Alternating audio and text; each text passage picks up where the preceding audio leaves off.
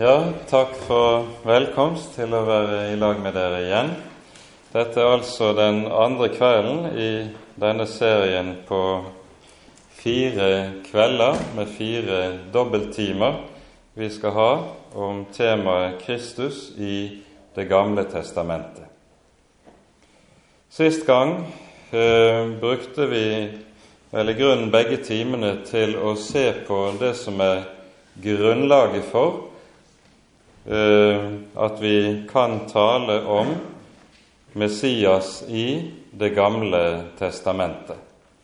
Og I dag skal vi ta og bruke noe mer tid på to konkrete eh, saker den første timen her skal vi se på hva det egentlig betyr, dette at Jesus er Messias. Hva ligger det i Messias-tittelen?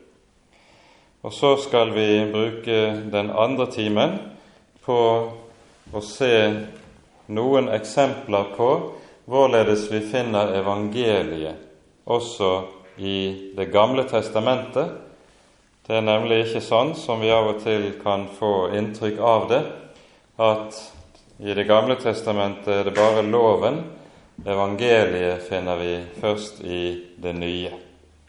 Nei, vi har evangeliet også i det gamle, og vi skal ta frem noen eksempler på det. Men la oss nå be sammen før vi går videre. Kjære gode Herre og Hellige Far. Nå takker og lover vi deg at vi skal forsamles i ditt hellige navn og om ditt dyrebare ord. Takk, Herre, at du har villet kalle oss inn til å høre med i ditt folk, og at vi skal få del i alt hva du har gitt oss i din kjære Sønn. Kjære gode Herre, nå ber vi deg at du også vil sende din ånd og være hos oss også denne kvelden, og åpenbare ordet ditt for oss, så vi kan få se Jesus og kjenne ham.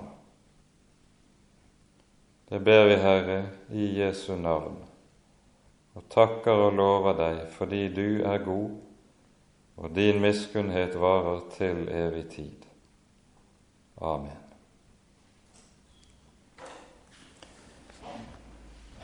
Dere vil alle sammen huske hvorledes engelen som eh, åpenbarer seg for hyrdene på Betlehemsmarkene, taler til dem der ute. Dere er i dag en frelser født, som er Kristus, Herren i Davids stad. Og Her bruker altså engelen tre navn, eller tre titler, på barnet som ligger der i krybben. Det er navnet Frelser, det er navnet Herren, og det er navnet Kristus. Og Samtidig som dette altså er titler, så hører de så uløselig sammen med Jesu person at vi vel også må kunne si at det er navn på ham. Han er Herren, han er Frelseren, han er Kristus. Kristustittelen, for det er jo en tittel egentlig, det er vel kanskje en av de titlene som aller sterkest nettopp binder Jesus til Det gamle testamentet. Selve ordet Kristus er jo ikke noe annet enn den greske oversettelsen av det hebraiske Messias, eller Mashiach, som det egentlig lyder, og som betyr 'den salvede'. Og Når Jesus får denne tittelen, så gis det dermed uttrykk for at han er den som oppfyller løftet om den salvede som skal komme. I og med at det bare er én som er Kristus, en som er Messias, så er det også slik at navnet Kristus med rette også kan bli nærmest et egennavn på den Herre Jesus.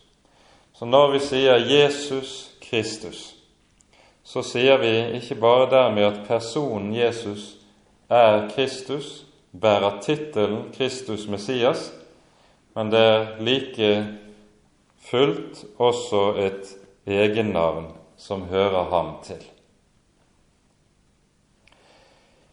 Jeg tror vi skal åpne med at vi slår opp i Matteusevangeliets 16. kapittel. For her hører vi om hvorledes Jesu disipler erkjenner hvem Jesus er.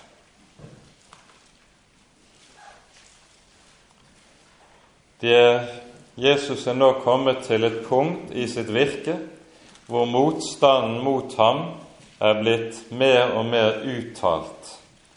Det fører til at han trekker seg tilbake til områdene helt nord i Israel, på grensen mot eh, dagens Libanon, opp mot Cesarea Filippi. Det er områder som for en stor del var bebodd av hedninger. og Det innebar dermed at Jesus i langt større grad kunne være i ro og fred alene med disiplene. Og Mens de her har trukket seg tilbake, hører vi sånn som det står fra vers 13 her i Matteus 16. Da Jesus var kommet til landet ved Cesarea Filippi, spurte han sine disipler og sa:" Hvem sier folk at menneskesønnen er? De sa, noen sier døperen Johannes, andre Elias, andre igjen Jeremias eller en av profetene. Han sa til dem, men dere, hvem sier dere at jeg er? Da svarte Simon Peter og sa, Du er Messias, den levende Guds sønn. Jesus svarte og sa til ham, Salig er du, Simon, Jonas' sønn, for kjøtt og blod har ikke åpenbaret deg dette, men min Far i himmelen. Her i vers 16 er det vi altså hører Peter på de øvrige apostlene sine vegne avlegge sin store bekjennelse. Vi hører av det som lyder i det foregående, at det er mange meninger blant folk om hvem Jesus kunne være. Folk var i villrede, de var tvilrådige i møte med Jesus. Alle skjønte at han måtte være en som kom fra Gud, men hva var han for en? Og så skiller altså Jesu disipler sin oppfatning seg ganske så klart fra det som ellers var så i villrede i folket. Du er Messias, den levende Guds sønn, sier Peter. Jesus svarer Peter på dette og sier, dette har ikke kjøtt og blod åpenbart deg, men min Far i himmelen.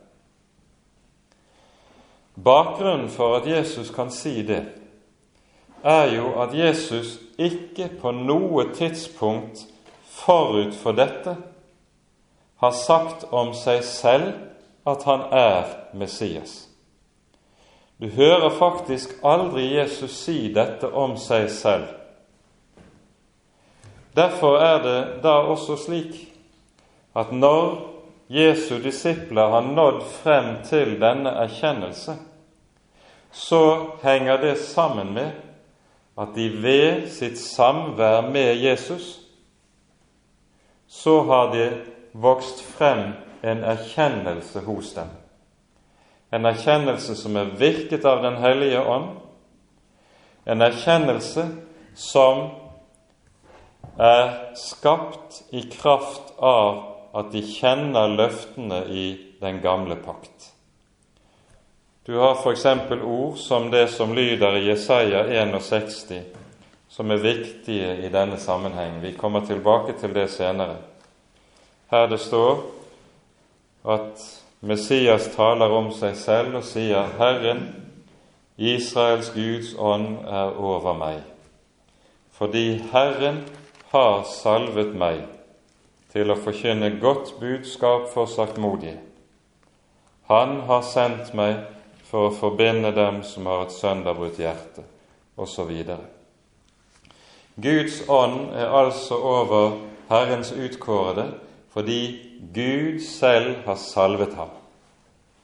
Og det er i møte med både dette ord og tilsvarende ord i Det gamle testamentet at Jesus kan si gjennom disse har Faderen åpenbaret for disiplene hvem Jesus er, hemmeligheten med hans person.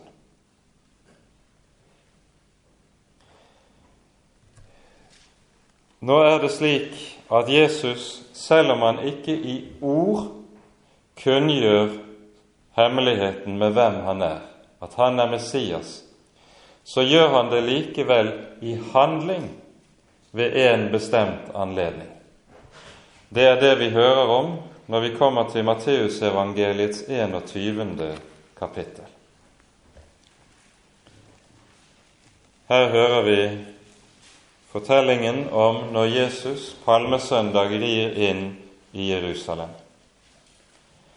Da de kom nær til Jerusalem og var kommet til Beit Fage ved Oljeberget, sendte Jesus to av disiplene av sted og sa til dem:" Gå inn i den by som ligger rett foran dere, og straks skal dere finne en aseninne bundet og en fole hos dem.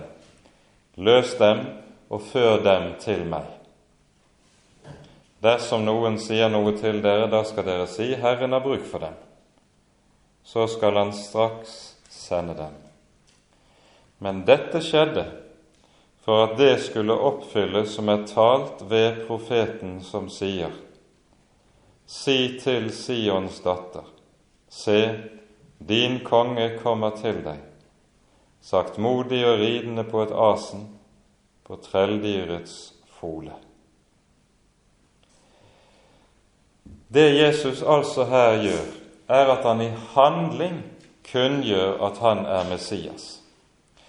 Og denne handling blir også forstått både av disiplene og av folket for øvrig, fordi dette var noe som hørte med til den allmenne Messias' forventning, at når Messias kommer, så skal han nettopp ri inn i den hellige byen på trelldyrets fole.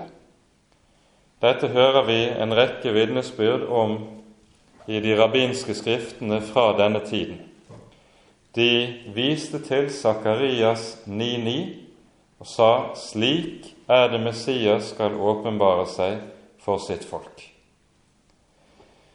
Her er det altså at Jesus kunngjør meget klart og tydelig i handling. Og Derfor er det også at folket, sammen med disiplene, hyller Jesus som nettopp Messias når han rir inn i den hellige byen. Stiller vi nå spørsmålet hva er årsaken til at Jesus er så tilbakeholden med å kunngjøre hemmeligheten med hvem han er? Så ligger det først og fremst i den misforståtte Messias-forventning som var i omløp i jødedommen på Jesu tid. Vi var så vidt inne på det også under de forrige, forrige bibeltimene. Det, for, det var en Messias-forventning som så på Messias med nasjonalistiske øyne i særlig utstrekning. Han var den som skulle fri Israel fra romernes åk og romernes herredømme. Ikke nødvendigvis med militærmakt, men han var den store frigjøreren. Like som David hadde fridd Israel fra filistrene og fiendenes herredømme. Slik skulle også Messias gjøre når han kom i sin tid. At dette er tilfellet, det ser vi også tydelig av en annen tekst i Det nye testamentet, nemlig fortellingen om når Jesus metter de 5000, slik vi hører om det i Johannesevangeliets sjette kapittel. Her hører vi folkets reaksjon etter brødunderet, som nettopp ytrer seg i at de ville ta Jesus med makt og gjøre ham til konge. Hvorpå Jesus da umiddelbart trekker seg tilbake opp i fjellet. Jesus ville ikke gå med på denne type Messias-forventning. Da hadde hele hans oppdrag kommet ut i et blindspor. Han var ikke kommet med det for øye.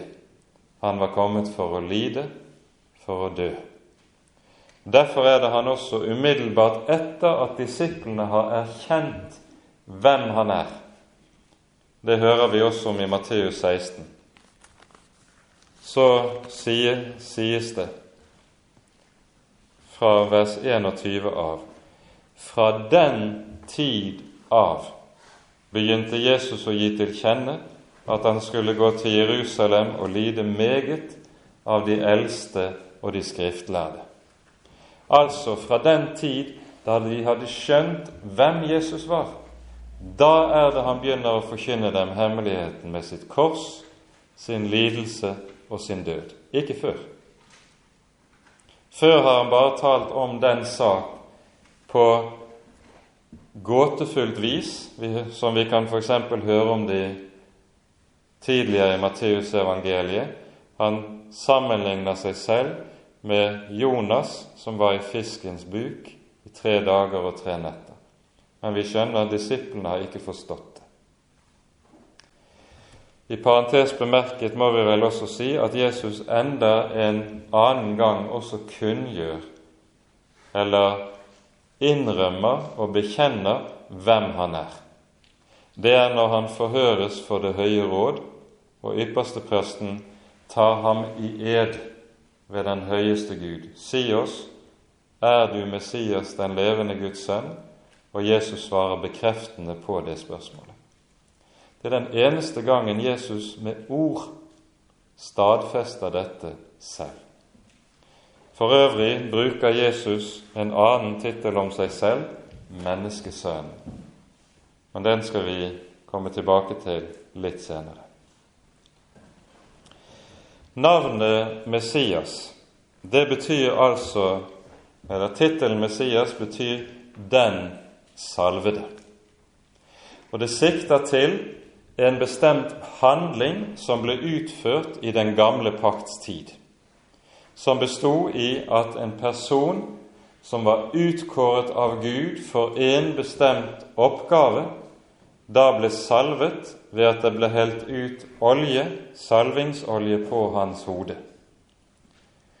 Stiller vi nå spørsmålet hvem er det som i den gamle pakts tid salves på denne måten, så vil vi se helt klart at det er tre ulike tjenester eller embeter hvor de personene det gjaldt, nettopp ble salvet.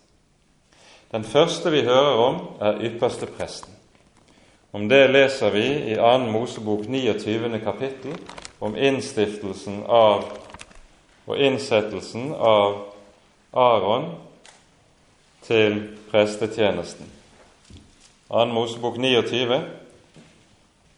Her leser vi slik i vers 7 om innsettelsen av Aron. Du skal ta salvingsoljen og helle ut over hans hode og salve ham.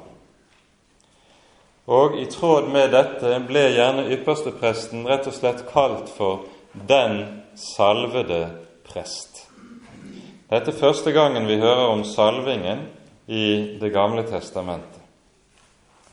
Det andre tjenesten en person ble salvet til, det var profetembetet. Det hører vi om f.eks. i første kongeboks 19. kapittel. Her er det profeten Elias har dratt i sin store anfektelse til Sinai for å søke Herren og be Herren om å få lov til å legge vandringsstaven ned.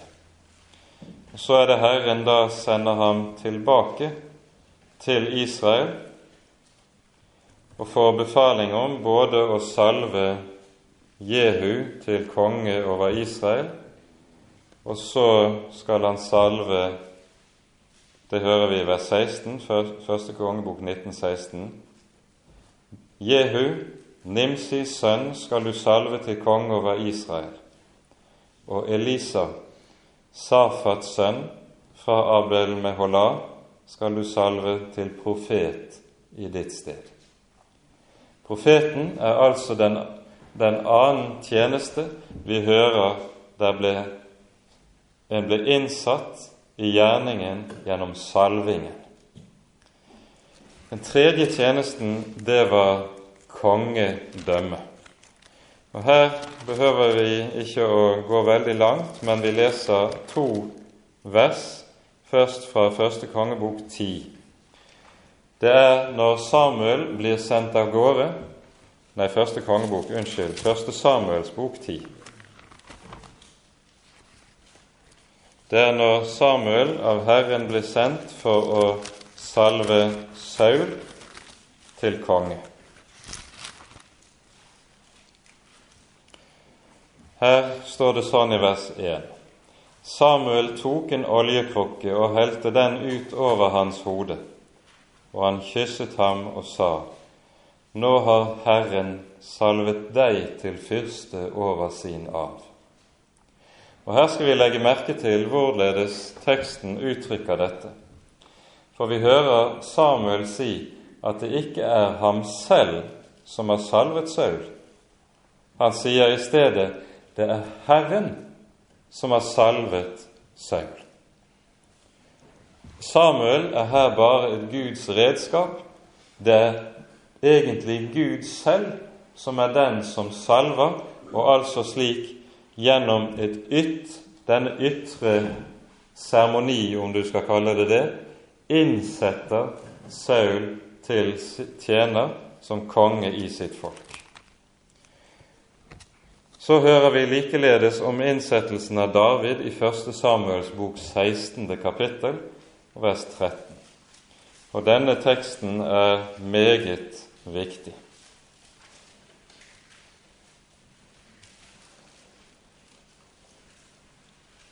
Først har Samuel øh, latt alle de øvrige av Davids brødre fare. Ingen av dem var dem som var utsett. Og Så kommer den yngste i søskenflokken frem, og så står det i vers 13. Da tok Samuel oljehornet og salvet ham midt iblant hans brødre. Og Herrens ånd kom over David fra den dag av og fremdeles.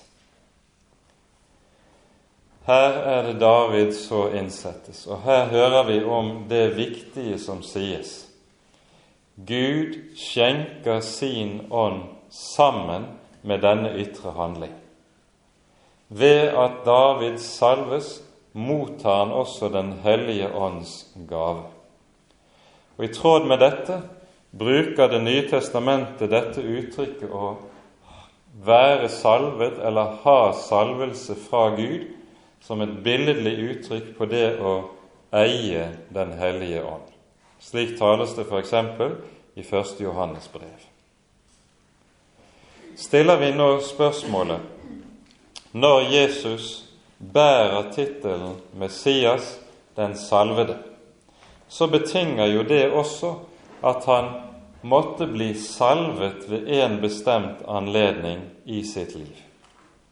Stiller vi da spørsmålet når skjedde dette, så svarer Det nye testamentet også meget tydelig på det. Vi kan slå opp i apostelgjerningenes tiende kapittel.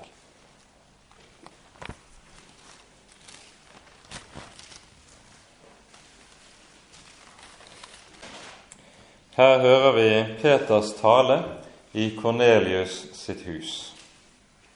Og så taler Peter om forkynnelsen av evangeliet om Jesus. Og Vi leser fra vers 36 til 38. Det ord som Herren sendte ut til Israels barn, idet han i evangeliet forkynte fred ved Jesus Kristus. Han er alles Herre. Det ord kjenner dere. Det som utgikk over hele Judea etter å ha tatt sin begynnelse fra Galilea, etter den dåp som Johannes forkynte. Hvorledes Gud salvet Jesus fra Nasaret med Den hellige ånd og kraft. Han som gikk omkring og gjorde vel og helbredet alle som var overveldet av djevelen fordi Gud var med ham. Her legger vi merke til at denne salving av Kristus med Ånden, den knyttes sammen med Jesu dåp i Jordan. Og nettopp det er det som er hovedbetydningen av fortellingen om Jesu dåp i Jordan. Det er ved dette tidspunkt Jesus nettopp salves av Gud til den gjerning han er utsatt til å gå inn i. Og La oss nå gå til Matteus 3, der vi hører om den sak.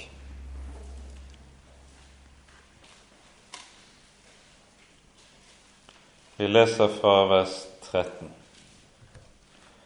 Da kom Jesus fra Galilea til Jordan til Johannes for å bli døpt av ham. Men han nektet ham det og sa, Jeg trenger til å bli døpt av deg, og du kommer til meg. Men Jesus svarte og sa til ham, La det nå skje, for således sømmer det seg for oss å fullbyrde all rettferdighet. Da lot han det skje. Men da Jesus var døpt, steg han straks opp av vannet, og se, himmelen åpnet seg for ham, og han så Guds ånd fare ned som en due og komme over ham. Og se, der kom en røst fra himmelen som sa, Dette er min sønn, den elskede, i hvem jeg har velbehag. Her hører vi nettopp hvorledes Ånden kommer over Kristus, og så salves han med Den hellige ånd og kraft. Dette er Jesu så å si innsettelse, offentlige innsettelse til hans gjerning som Messias. Og det er fra denne tid av han også begynner på denne sin gjerning. Før dette tidspunkt har han jo levet tilbaketrukket i den lille byen Nasaret, som knapt noen kjente til engang. Nå trer Jesus frem og begynner på sin gjerning. Det er et par trekk ved denne teksten som vi også skal legge merke til. For det første var det slik at i jødisk Messias forventning var det nettopp på det vis at en ventet at det var profeten Elias som skulle salve Messias når han kom. Det var profeten Elias. Og det var en forventning som en knyttet til de siste versene i Malakias bok, som jo er den siste boken i Det gamle testamentet. Forventningen om den kommende Elias hører vi om i Malakia 4, vers 5, der det sies slik Se, jeg sender dere Elias, profeten før Herrens dag kommer, den store og forferdelige. At Elias skulle salve Messias til hans gjerning, det får jo nettopp sin store betydning i det Jesus kaller døperen for Elias. Det er jo det vi hører i Matteusevangeliets ellevte kapittel, når disiplene, etter at Johannes' disipler har vært hos Jesus og stilt spørsmål til ham, så, spør, så taler Jesus om Johannes og sier han er den Elias som skulle komme. Og så oppfylles nettopp her i Jordan det som var forventningen innen jødedommen, men på en helt annen måte enn noen kunne ha tenkt det. Det annet vi skal merke oss i det som står her, er det som sies om den åpne himmel. For det som her sies om den åpne himmel, det har helt grunnleggende betydning, idet det er noe som viser tilbake til Bibelens første blad. Hva er det vi der hører om? Jo, vi hører om syndefallet. Og vi hører der om hvorledes mennesket, fordi det faller i synd, vises ut av, av hagen og dermed bort fra Herrens åsyn. Og så setter Herren kjerubene med det luende sverd for å vokte veien til livets tre. Noe som er uttrykk for at nettopp adgangen til Gud er stengt. På grunn av synden er himmelen lukket.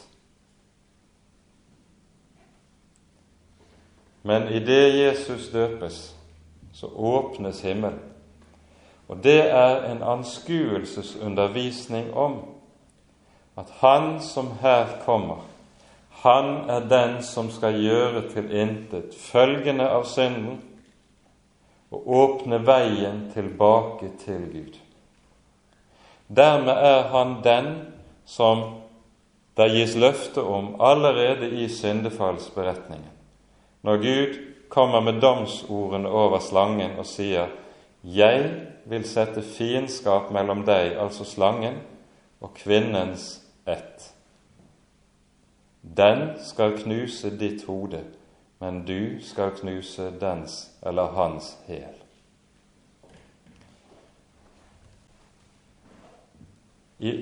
At det skulle komme en som skulle knuse slangens hode. I og med det så sies det også at det kommer en som skal tilintetgjøre djevelen og alle hans gjerninger, som skal tilintetgjøre hele syndefallet med alle dets følger. Han er den som åpner veien tilbake til himmelen og åpner den stengte himmelen. Dette har en veldig sterk finner vi et veldig sterkt tilknytningspunkt for nettopp i beretningen om det som skjer i det Jesus dør på korset.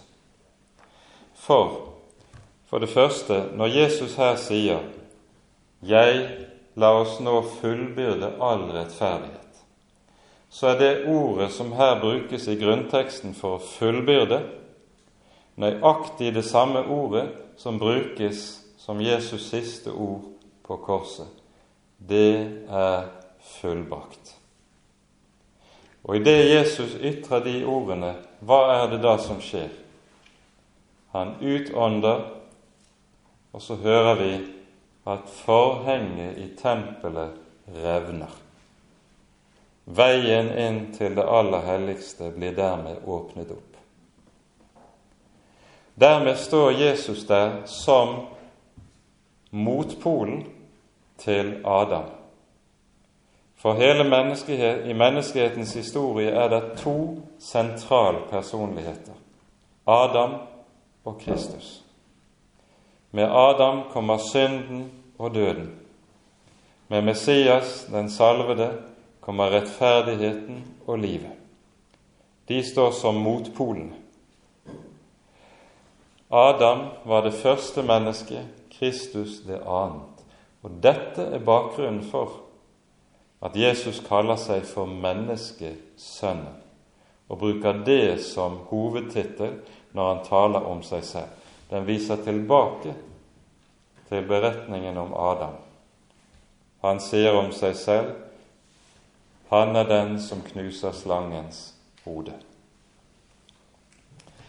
Så hører vi altså her om salvingen. Kristus stiger opp av vannet og begynner på sin, denne sin gjerning. Og ganske karakteristisk hva er det første han skal gjøre i sin offentlige gjerning som Messias. Han skal ut i ødemarken og fristes. Adam ble fristet og falt. Kristus ble fristet og sto. Og slik begynner han på den gjerning å knuse slangens hode. Dette er noe av det som ligger gjemt i salvingen av Jesu person. Stiller vi nå spørsmålet når Jesus bærer tittelen 'Den salvede', hva er det da som egentlig ligger i dette? Er han da konge, eller er han profet, eller er han øverste prest? Svaret på det er at i sin gjerning er Jesus den som nettopp samler alle disse tre i sin person. Han er både profeten, kongen og øverstepresten i sin gjerning. Og De to neste kveldene vi skal ha, skal vi vie til å se nærmere på disse tingene, hvorledes Jesus er profeten, kongen og øverstepresten. Se hva som ligger nærmere i det. Men før vi slutter av denne timen, la oss vende tilbake til profeten Jesaja. Og da leser vi fra kapittel 42, der vi også hører om salvingen, eller om den salvede.